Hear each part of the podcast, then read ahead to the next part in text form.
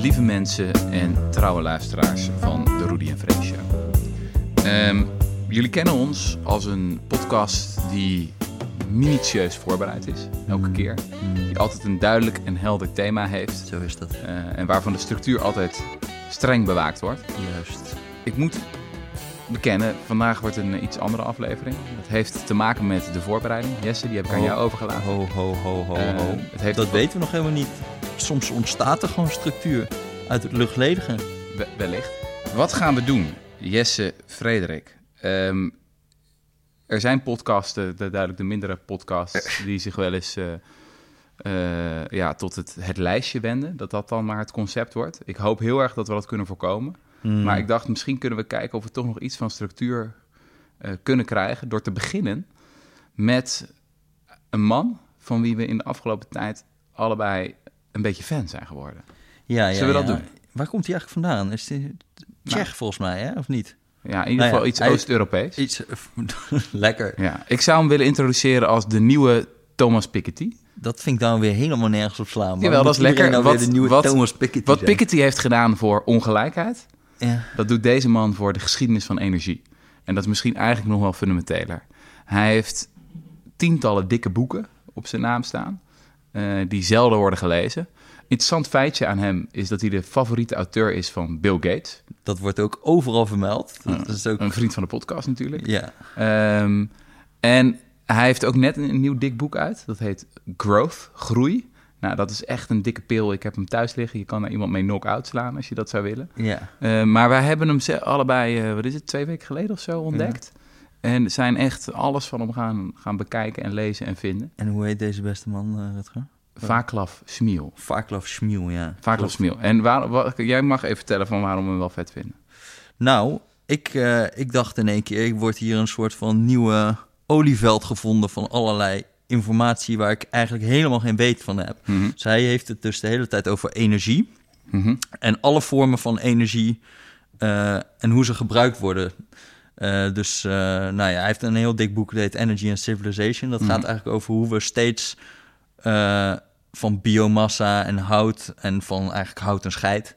Dat gebruikten we vroeger om eigenlijk onze energie te krijgen. Hout en scheid. Hout en scheid. Leg dat scheidgedeelte even uit. Dat is... Nou, dat steek je in de fik. Koeien- En je koeien, koeien mest. mest. mest. En onze ja, precies. eigen. Dus je gebruikt het om, om voedsel mee te maken, maar Ja. ook om te verbranden.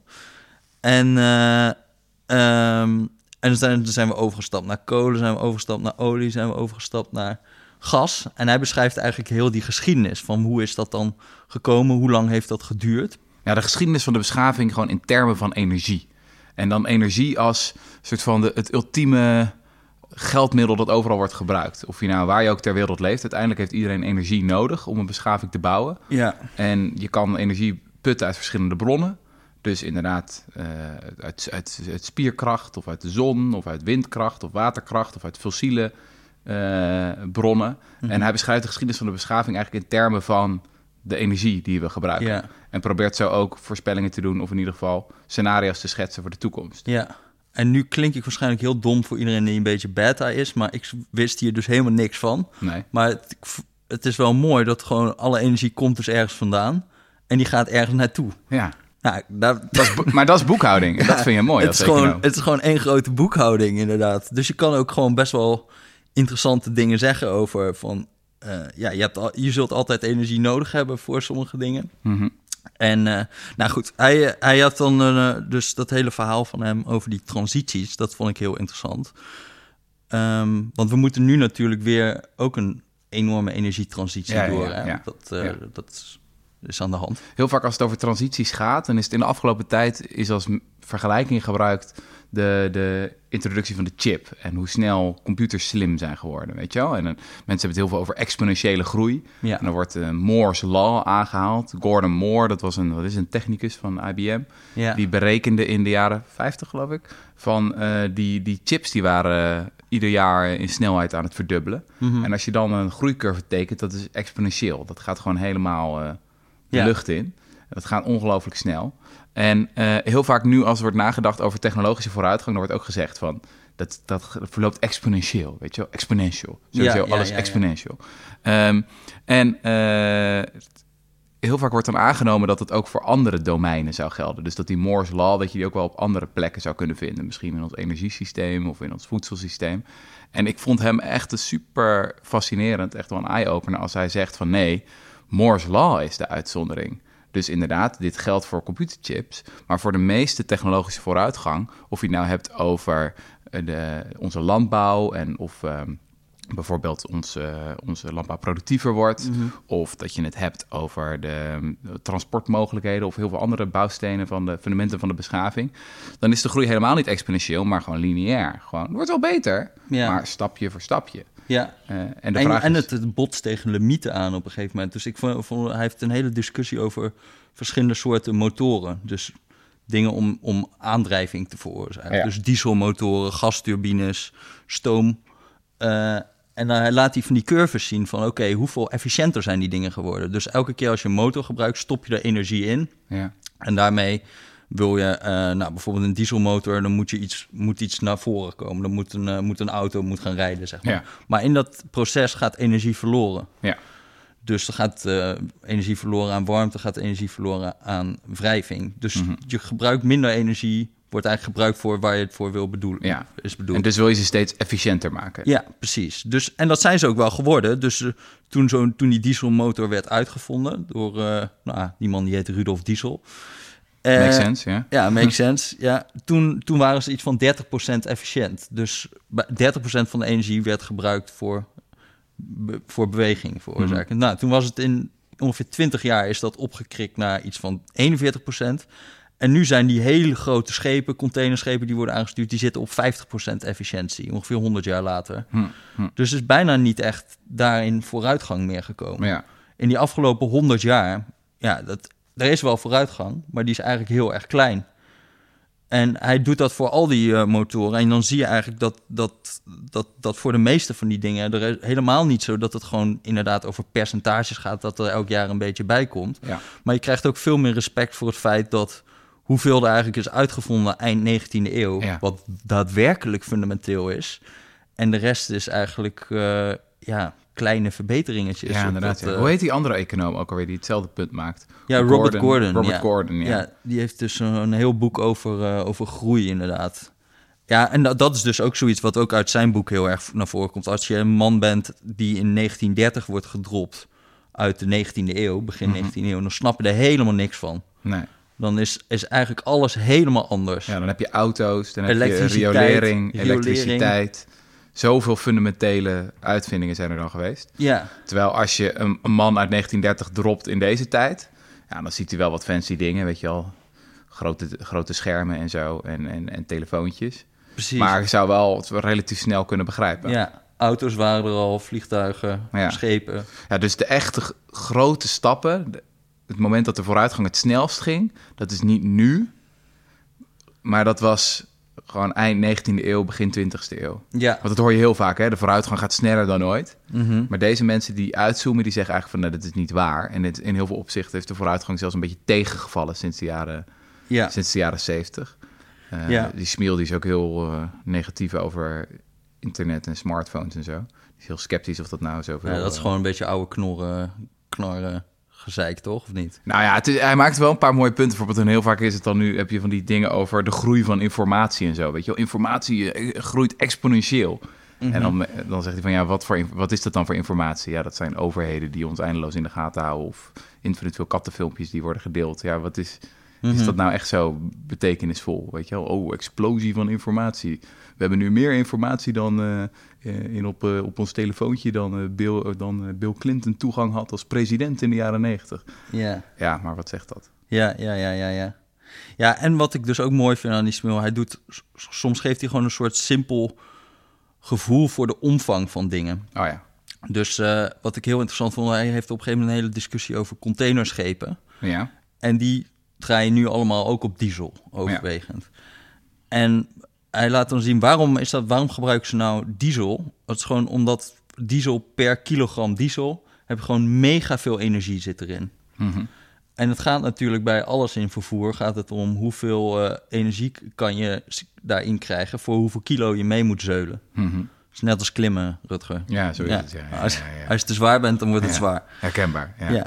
Maar en ehm, dus, dus dan gaat hij een soort berekeningetje doen van oké, nou, want wij willen dus van olie af met Ja. z'n allen. Maar hoe, Je wil hoe gaan we dat elektrische doen dan bij zo'n- containerschepen eigenlijk. Dat is wat je wil. Ja, je wil elektrische containerschepen. En eh, ik bedoel, eigenlijk alles wat we hier om ons heen zien, eh, dat is direct of indirect, is dat wel afkomstig van zo'n containerschip. Mhm. Ik las nu laatst nog zo'n eh, best wel een interessant dingetje over. de Wereldbank had zo'n rapport over een, een Vietnamese elektrische fiets. En dan hadden ze al van elke onderdelen aangegeven waar die dan vandaan kwamen. Mhm. Nou, dan had je een stuur en motor uit Duitsland, de batterij uit Taiwan, de zadel uit Italië, de banden uit Indonesië. Nou, dat gaat maar zomaar door. Eigenlijk alles is Ja, maar gewoon. het is de chip en de box. Hè? Dus de chip in de jaren, wat is het, jaren 50, 60, die zich met, met, met Moore's Law steeds beter begint te worden. En de box, gewoon de, de containerdoos, die wordt ook in de jaren 50 uitgevonden. Ja. Eh, de eerste die eh, in Amerika begint te varen dan, volgens mij 56 of zo. Mhm. En gewoon onze moderne beschaving en globalisering zijn onvoorstelbaar zonder die twee dingen. Ja, Dus zonder containerschepen is het moeilijk denkbaar. ja. eh, dus, en dus diesel leven. eigenlijk. Want Ja. al die dingen die, die, die, eh, werken dus op diesel. Nou, die. ehm, dan gaat hij, eh, gaat hij gewoon, eh, neemt hij nu de betere schepen. Ja, dat is een of andere Maersk E-klasse. En die kunnen 18.000 containers meenemen. Oké. Dus 18.000 containers. Nou, dat vond ik sowieso idioot. Maar eh, die werken dus op diesel. En zo'n dieselmotor die produceert iets van 11.700 wattuur per kilogram. Aha. En als je dat dan vergelijkt met een batterij, de beste batterijen die ze nu in Tesla's hebben, die hebben 300 wattuur per kilogram. Ah, Dus dat betekent dat je ongeveer 100.000 ton aan batterijen aan boord zou moeten nemen. Terwijl nu hebben ze 7000 ton nodig om de dieselmotor plus de brandstof aan boord te nemen. Ah, dus ja, je zou echt het, iets van 40% van wat je nu containers op kan zetten, dat zou batterij moeten zijn. Dat, dat maakt het eigenlijk gewoon zo'n los van alle technische problemen. Maar dit Ja. maakt, het, maakt het gewoon totaal krijg je een heel raar voertuig, ja. ja, dan krijg je een ding wat, waar je gewoon, wat, wat gewoon niet...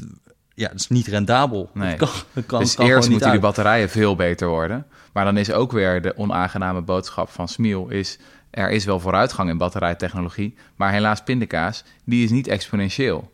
Die gaat Nee. gewoon wel stap Nou, dat is leuk. Ze hebben nu de Nobelprijs dus gegeven voor die lithium-ion eh, batterijen. Mhm. Dus de Nobelprijs voor de scheikunde. Ja. Maar hij, dus hij laat zien van ja, de afgelopen 40, 50 jaar is dat eh verviervoudigd. De, hoe goed die batterijen werken, onder meer door die uitvinding. Maar wil het gewoon even goed zijn als die diesel, moet je een vertienvoudiging nog gaan krijgen Ja. vanaf nu. Ja, ja, ja, ja. En dat zit er gewoon waarschijnlijk dan niet echt in. Nee, Op of in ieder geval niet op korte termijn. ja. Ja, Dat is eigenlijk een beetje zijn basale punt steeds. Hè? Van energietransities die vinden wel plaats. Dus we zijn op een gegeven moment overgegaan op kolen. We zijn toen op een gegeven moment op overgegaan op olie en hebben gas geïntroduceerd. Alleen het gaat niet snel. Het duurt langzaam. Ja. En je hoort allerlei berichten in, in de media en de pers over, weet je wel, zonne-energie is goedkoper dan ooit. En wind wordt steeds goedkoper, heeft niet eens meer subsidie nodig. En dat is fantastisch nieuws. Alleen dat wil niet zeggen dat je in no time even je hele energiesysteem hebt veranderd. Waarbij het probleem natuurlijk met, met wind en zon ook nog is dat het elektriciteit oplevert. En maar 20% van ons energieverbruik nu elektrisch is. ja. En dat sommige dingen dus ook heel moeilijk te elektrificeren zijn. Zoals die internationale scheepvaart. Ja, Wat toch echt een... eh, dat is volgens mij... Nou, dat viel me nog wel mee. Maar 5% van alle olieconsumptie ter wereld, dat is dus scheepvaart. 15% ja, geloof ik vliegvaart, waar precies hetzelfde probleem Mhm. voor, voor geldt. En dan heb je nog een groot gedeelte vrachtwagen wegvervoer. mhm, Waarvan ook de vraag is of je dat wel... Er moeten ook nog flinke verbeteringen in die batterijen komen. Wil dat ooit uit kunnen? mhm. Dus het punt is eigenlijk ook... We zijn er gewoon nog helemaal niet op een punt dat je kan zeggen... we hebben al die fossiele brandstoffen niet nodig. nee. Maar, En, hij, en hij, wat ik ook een interessant punt van hem vond... is hij zegt van... Nou, ja, je hebt dus al die grote energietransities... van scheid en hout naar kolen, naar kolen naar olie... van kolen naar gas. Maar hij zegt, die zijn allemaal nog niet eens af. Dus nog steeds heb je 2 miljard mensen... die ver- verwarmen en koken met hout en met scheid. En misschien willen die ook nog wel gewoon... eh, meedoen in, olie, in ja. zeg maar... Ja. ja Ja, dat is een hele ongemakkelijke boodschap natuurlijk ook. Het probleem voor een heel groot deel van de wereldbevolking, die nu in extreme armoede of echt in duidelijke armoede leeft, is niet dat ze nou ja, te veel fossiele brandstoffen hebben, maar eerder te weinig. Je zou ze eigenlijk dat recht willen geven om net als ons te gaan verstoken en CO2 uit te gaan stoten. Want Nou, laat- historisch gezien correleert CO2-uitstoot heel mooi met, met welvaart. ja, En dus als je mensen op wil heffen uit de armoede, dan hebben ze juist meer fossiele. of in ieder geval energieconsumptie. En, en energieconsumptie, daar hebben we gewoon nu niet heel erg veel grootschalige al- alternatieven voor heel veel dingen. Vervoer, eh, nou ja, staal, eh, kunstmest, al die Ja. dingen. Ja, En dat, ja, ik zat. We hebben nu al die demonstraties ook gehad. En ik vind af en toe. Vind, erger ik me er een beetje aan dat we dan heel erg. ehm, het wordt af en toe zo voorgesteld als van ja, je hebt die evil fossil fuel companies. En die moeten gewoon eigenlijk eh, die olie in de grond laten. En dan komt het wel goed. Mhm. Maar dat is het gewoon niet. Dat, dat, dat kan gewoon niet nee. op dit moment. En dat is volgens mij ook echt een groot probleem. Ja, je had een tijdje geleden bericht in The Guardian dat ze hadden berekend dat een derde van alle CO2-uitstoot komt van maar 20 bedrijven. Ja, En nou, toen zag ik jou dus- echt zuchten en steunen en kreunen als je dat soort berichtgeving eh Ja, het leest. was ook weer helemaal totaal voor episch opgeschreven. Ja, Eh, van, Van het zijn 20 evil bedrijven die dat doen. ja, en, en als je dan het bericht leest, dan staat ook gewoon ja, 90% van die. Dat komt door de consumptie van wat zij uit de grond halen. Dus het waren kolenbedrijven, ga- gasbedrijven en oliebedrijven. Het zijn gewoon mensen die dat afnemen. Ja, en Ja. er zijn mensen die dat afnemen. En het is een beetje dat er dan wordt voorgesteld alsof, eh, alsof het gewoon heel simpel is dat we die bedrijven maar moeten aanpakken. Maar dat is dus niet zo. We moeten echt gewoon alternatieven ontwikkelen Ja, voor wat zij, wat zij hebben. Het is niet alsof als wij die dingen in de grond laten, dat het dan in één keer het probleem weg is. ja, ja. Ik vind het ook mooi, bijvoorbeeld. eh, maar eh, in Nederland hebben we dus die hele gaswinningsdiscussie gehad hè, met Mhm. Groningen. Mhm. Maar daar zijn gewoon best wel moeilijke dilemma's in. Van, Mhm. oké, wij laten die eh, dingen in de grond. Nou, bijvoorbeeld nu was er, was er een één vandaag re- een reportage. Die ging over dat ze dus... Dat ging niet eens meer over Gronings gas... maar dat ging over in de Noordzee... 20 kilometer uit de kust bij Schiermonnikoog... wilde een of ander bedrijf... en dat bedrijf werd ook meteen beschreven als... een bedrijf op de Zuidas. Gadverdarie zeg. Ja, ja, ja, ja. Maar die wilde dus daar gaan boren. En die wilde daar iets van eh 5 miljard, ku- voor 5 miljard kuub eh, aardgas konden ze daar uit dat Mhm. gasveld winnen. Nou, heel erg protest. Even idee van schaal. Hoeveel is dat? 5 miljard kuub. Ehm, dat is. Dat heb ik van vaak Smiel geleerd. Dat je... Ik, ik geloof dat ze In nu nog uit Groningen winnen iets van 40 miljard kuub elk jaar. Oh ja. En dit is, dat is is elk jaar, hè? Dus ja. 5 miljard zou niet in één jaar Nee. gewonnen zijn. Dus het is Oh, niet heel groot. Dat is nee. een lullig veldje eigenlijk. Nou ja, niet wel eh, lekker. verwaarloosbaar. Maar ehm nou, dan was er dus heel erg veel protest, milieubeweging. En die GroenLinks burgemeester die daar zat, die zei ook van... eh, nou, ze willen alleen maar geld verdienen, laten ze dat ergens anders doen. Mhm. En eh, toen zag ik iemand die daar commentaar op had. Die zei, stond ik helemaal niet bij stil. Maar we gaan nu dus allemaal van het hier geen gas meer winnen. Maar daardoor gaan we heel veel gas importeren. Want we zijn helemaal niet van het gas af. We kunnen niet zonder gas op dit moment. Nee, 90% van alle gebouwen in Nederland zit op het gas. Ja, precies. Ja. En, en nog industrie die ook nog aan, aan eh, gas Oh, ja, nodig ja. heeft. En we hebben een heleboel gascontracten met het buitenland, waardoor we ook nog gas nodig hebben. eh, om Oh, aan die contracten te voldoen. We zijn helemaal vergast. Ja, we zijn helemaal verrast. En eh, toen. Maar we gaan dus allemaal Russisch gas en zo importeren. En toen las ik een rapport van CE Delft en die gingen berekenen van wat betekent dat CE nou Delft, dat is een onderzoeksbureau. voor eh, meestal van de milieubeweging. Ja. Dus, die doen, dus die deden dit onderzoek ook in opdracht van Milieudefensie. Mhm. En die zeiden voor elke, eh, elke 10 miljard kuub die je uit Rusland haalt en niet uit Nederland, ga je Mhm. 5,2 miljoen ton CO2 meer uitstoten. Even weer een idee van schaal. Hoeveel is dat? V- eh, 5,2 megaton. Eh, nou, even kijken. Als je dus in plaats van 130, 120 gaat rijden, heb je het over 0,2 megaton CO2. Oh, wow. Dus 5,2 megaton CO2 is fucking veel. Dat is iets van 1 tiende van het klimaatakkoord. wow. Dat Dus is echt veel. dat is echt heel veel. Dus dat besluit om te stoppen met Gronings gas is een drama voor het klimaat. Eh, ja, eigenlijk wel. Wow. Op, korte termijn. Maar hier wordt dat het is wel echt iets, waarom hoor je dat nergens? Want het is, ik, in mijn hoofd zat stoppen met Gronings gas. Weet je al, jee, goed voor de energietransitie. Ook gas eruit, weet je wel, meer windmolens. Maar ja, we zitten nog wel op gas. Ja, Toch? Dus we hebben dat gas nodig. En als Ja. we nu uit Rusland gaan halen, op grote schaal, dan ja, dan heb je echt een enorm probleem. alleen alle, omdat we daar niet om geven, omdat we denken, ja, whatever, CO2-uitstoot uitstoten in Rusland. Maar voor de planeet maakt het niet uit waar het uitgestoten wordt. Of het in Rusland Ja. wordt uitgestoten of hier. Ja, maar je kan natuurlijk zeggen, we vinden al die, al die schade die Groningen eraan ondervindt belangrijk. Maar het wordt een beetje makkelijk overheen gestapt over inderdaad dat dat hele erge klimaatimplicaties kan hebben. Want ik zei, ik moet heel even die cijfers, volgens mij is het echt 40 miljoen wat we nu nog winnen. Op de piek Mhm. was het geloof ik 90 miljoen of zo. Mhm. Eh, een miljard kuub. Ja. Eh, als je die 40 miljard dus allemaal uit Rusland gaat halen, dan doen we maar 4 keer 5,2. Dan zitten we op, eh, nou ja, dan zitten we op meer, bijna de helft van het klimaatakkoord, wat je al kwijt bent. Zo. Dus eh, dat, is, dat is echt veel. Maar ook met Terwijl we tegelijkertijd heel veel geld uitgeven om dat klimaatakkoord te realiseren. Dus je zou het ook kunnen zeggen van, oké, we geven gewoon krankjoren bedragen aan die mensen in Groningen die er last van hebben. Weet je wel, wie zegt Ja, dat maar dat is natuurlijk ook weer zoiets van, ja, stel het maar eens voor. Ja, het is wel echt, ja, eh, ja. Maar, maar goed, Dus überhaupt dat je niet, eh, dat ik tenminste, ik heb het nauwelijks gehoord in de discussie. ik ook niet, nee. Maar bijvoorbeeld nu ook weer met zo'n Noordzeeveld, dat heeft verder niks met Groningen te maken. 5 Nee. miljard kuub, wat je dan hier zou kunnen winnen. Dat is dus 2,6 megaton CO2 wat je kan besparen aan Russisch gas. Ja. Maar nu wordt het ook weer ingewikkeld natuurlijk, want je kan ook zeggen... eh, ja, maar de Russen die zetten ook op het klimaatakkoord of het Parijsakkoord. Dus waarom zouden zij... Want waardoor, waardoor komt dat nou? Ja, ja, ja. Dat ze allemaal lekkende pijpen en boorputten hebben... waar allemaal methaan uit opstijgt. Mhm. En eh, ja, misschien gaan ze dat wel fixen, gewoon, want zij zijn ook aan het Parijsakkoord gebonden.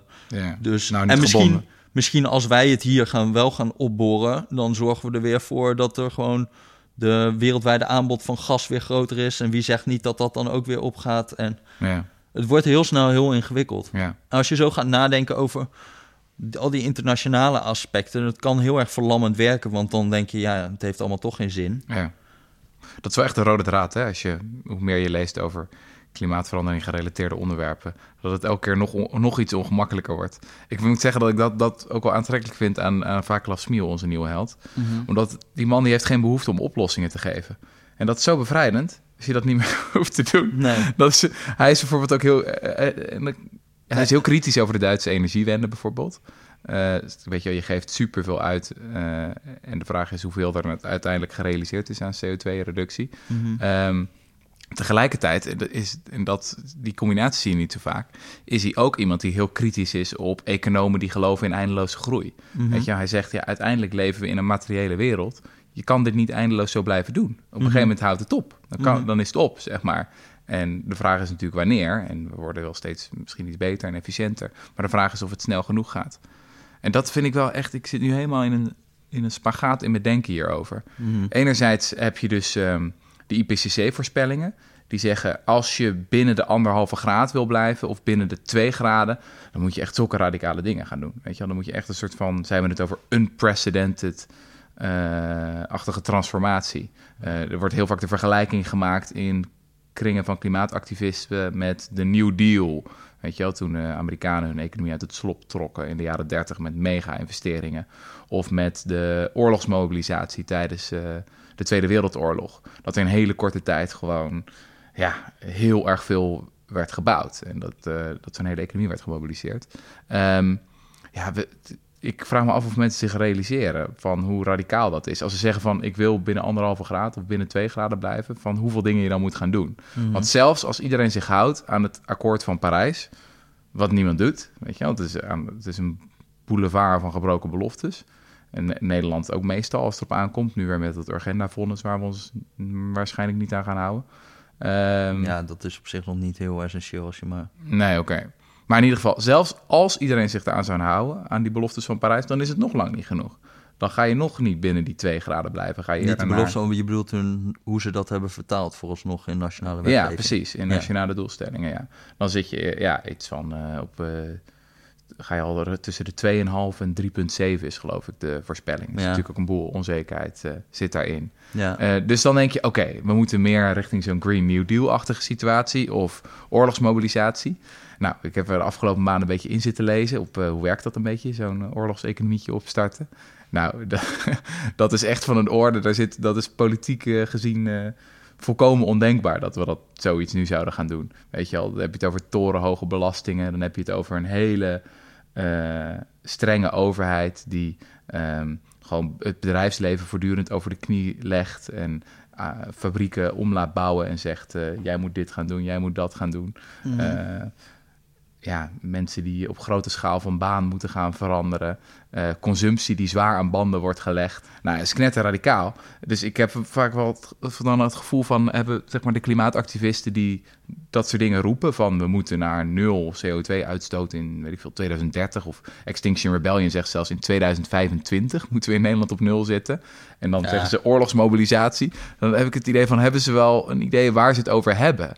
Zeg maar, hoe, hoe vreselijk radicaal dat is. Dat je dan echt een bijna, ja, echt een top, top-down, zeer autoritaire overheid nodig hebt. Een klein groepje van technocraten die gewoon de targets uitzetten. En, ik vind, ik vind dat iedereen gaat de zweep erover en gaan, zeg maar. Het is ook een, natuurlijk een beetje een bizarre analogie, want bij een oorlog is het volkomen duidelijk dat iedereen weet wie de vijand is. Ja.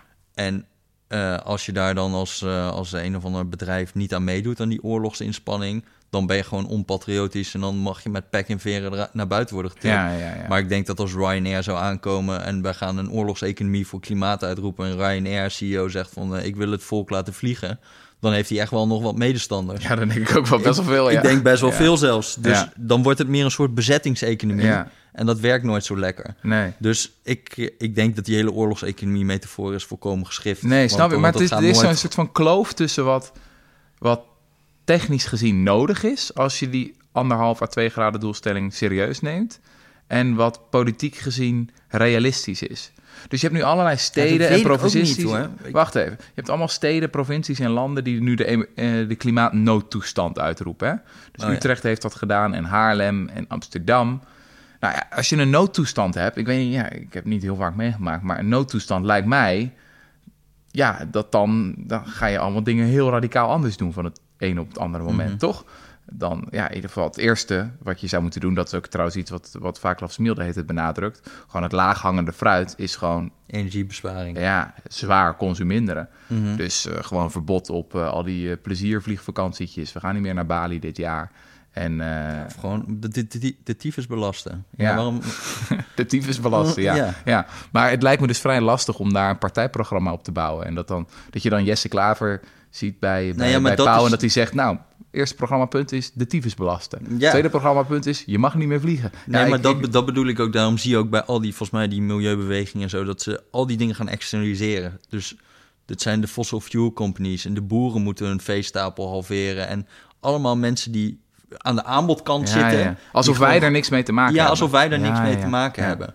De hele tijd het frame is wij tegen zij. Terwijl, en dat voor een deel is dat denk ik waar. Dus tuurlijk, het is waar dat de ExxonMobils en de Shells van deze wereld hebben leugens over het klimaat verspreid en hebben klimaatskepsis gefinancierd en zo. Geleden al, Dat is wel lang geleden. Maar ik bedoel, voor een deel is dat waar. En voor, het is natuurlijk ook waar dat rijkere mensen een grotere ecologische voetafdruk hebben. Maar over het algemeen is het toch in plaats van wij tegen zij, is het vooral wij tegen wij. Ja. Weet je wel? Wij moeten met z'n allen onze levensstijl aanpassen. Want wij zitten allemaal nog op gas, weet je wel? Ja. En, en, uh... en los daarvan wat ik denk dat er eigenlijk te weinig nog over gaat. Als ik denk, wat kan Nederland nou echt bijdragen? Het gaat nog veel minder... Zeg maar, natuurlijk moeten we onze levensstijl aanpassen. Maar het belangrijkste is dus dat al die innovaties te komen... waarmee mhm. we echt... die er nu nog niet eens zijn. Dus we moeten eigenlijk ervoor zorgen dat al die, al die dingen goedkoop worden... Uh, door, door ze uit te vinden. Dat we vleesvervangers krijgen, weet je wel? Dat we uh, dat we staal kunnen maken zonder CO2-uitstoot. Dat we allerlei uh, kunstmest kunnen maken zonder CO2-uitstoot. Daar zit echt zoveel potentie nog. Die je, als klein land kan je daar een heel veel impact maken. Ja, want we hebben nog heel veel van de technologieën die nodig zijn. Die zijn er nog niet. Voor de energietransitie om naar 0% uitstoot te gaan in 2050 die technologieën zijn er gewoon nog niet. Nee, dus ze kunnen het nog niet eens toepassen. Maar de, eh, en, en, en sommige van die dingen zijn er al kleine succesjes. Hè. Je weet nog niet helemaal of het werkt. Maar we hebben de tot Tata Steel. Nou, staal is heel erg groot. Uh, gebruikt het allemaal steenkool en enorm CO2-intensief. Ja. Maar die hebben er dus uh, met subsidiegeld van Nederland 5,5 miljoen. Waar hebben we het over? En nog wat Europese subsidie, ik geloof 6, 7 miljoen. 12 miljoen euro hebben ze een soort proces gemaakt om staal anders te maken. Dat heet die mhm. Zarna. En daarmee kun je 20 tot 50 procent minder CO2 uitstoten per, per kilo staal. Dus, nou ja, eh, Dus dat is een geweldige subsidie geweest. Voor niks Ja. eigenlijk. Voor, voor als we het hebben over wat voor bedragen we het soms hebben. Dan, en wat dan wel grappig is, is dan NRC had zo'n artikel over... ja, dat Tata Steel gaat dan nu een proeffabriek starten met dat Hizarna in India. Ja. En dan zeggen ze, ja, dat is naar, want het is door Nederland betaald... en nu gaan ze het in het buitenland doen. Oh, ja. Ik zeg, top jongens. Maak al die innovatie, maak het publiek beschikbaar... en laat ze het lekker in India en weet ik veel wat toepassen. Dat is het beste wat wij kunnen doen om CO2-uitstoot te verminderen... is al onze technologie die CO2-uitstoot kan verminderen gratis weggeven. Ja.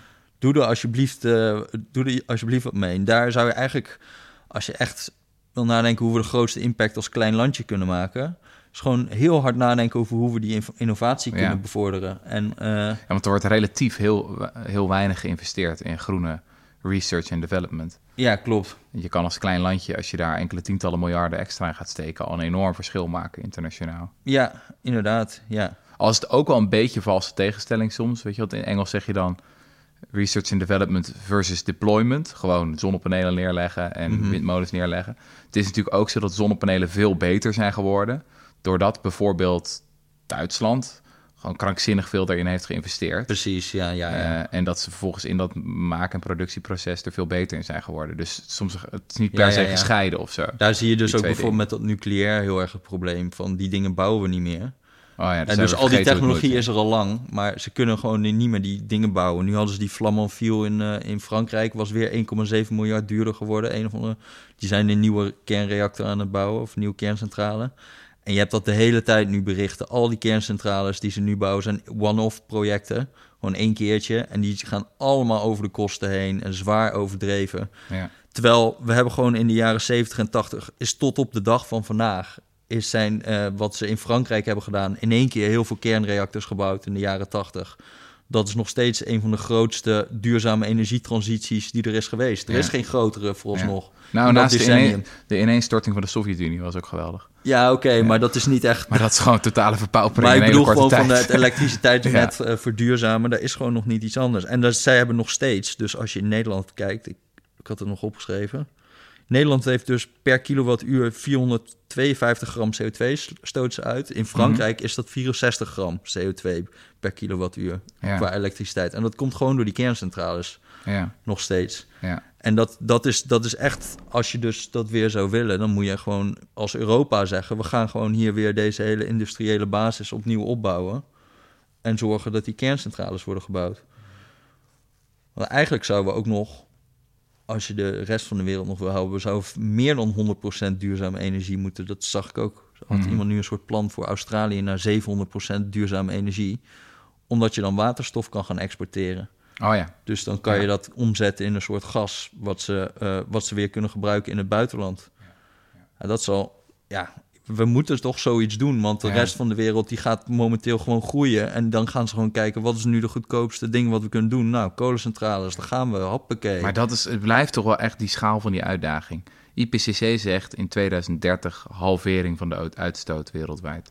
2050 op nul. Als je dat serieus neemt, dan betekent het dat rijke landen als Nederland sneller zouden moeten zijn, toch? Ik bedoel, dan kunnen wij niet in 2050 pas Op klaar zich zijn. zijn ze nu van plan om in Europa 55%, maar dat is 5% meer voor dan 2030, ja. voor 2030. Ja. En netto nul in 2050. ja. Maar ja, ja. En, maar het is ook eigenlijk ik- gewoon beginnen. Laten Ja. we gewoon beginnen. En dan, dat is al in ieder geval goed. Dat er dan, nou komt die hele ja. technologische molen een beetje op gang. Misschien, hopelijk. Hopelijk dat er toch nog een soort van Moore's Law blijkt te bestaan. ja, of dat er iets, een of andere doorbraak wordt geforceerd Ja. of zo. Ja, het is wel, ik vond het wel echt een heel ontnuchterend boek van wat je leest over eh, van hoe zo'n man daarnaar kijkt. eh, onze grote vriend Smiel. Mhm. Ehm, en ook heel leerzaam. Hij heeft het op een gegeven moment over die vier bouwstenen of de vier fundamenten van de moderne beschaving. Mhm. Dingen waar je dan zelf, tenminste waar ik zelden aan dacht, maar zeg wat de vier eh, fundamenten zijn: staal, cement, Ja. eh, Kunstmest. plastic en kunstmest. Wat is het? Ammonia. Ja, ammonia, ja. En zonder die vier dingen zouden we gewoon ja, niet kunnen leven zoals we nu leven. Ja, Eh, ook bijvoorbeeld helemaal niet zo'n gigantische wereldbevolking hebben, want zonder kunstmest kan je het sowieso, kan je het sowieso schudden, heb je niet Mhm. genoeg voedsel. En al die dingen, ja, hebben we nog fossiele brandstoffen bij nodig. Ja, Onherroepelijk. ja.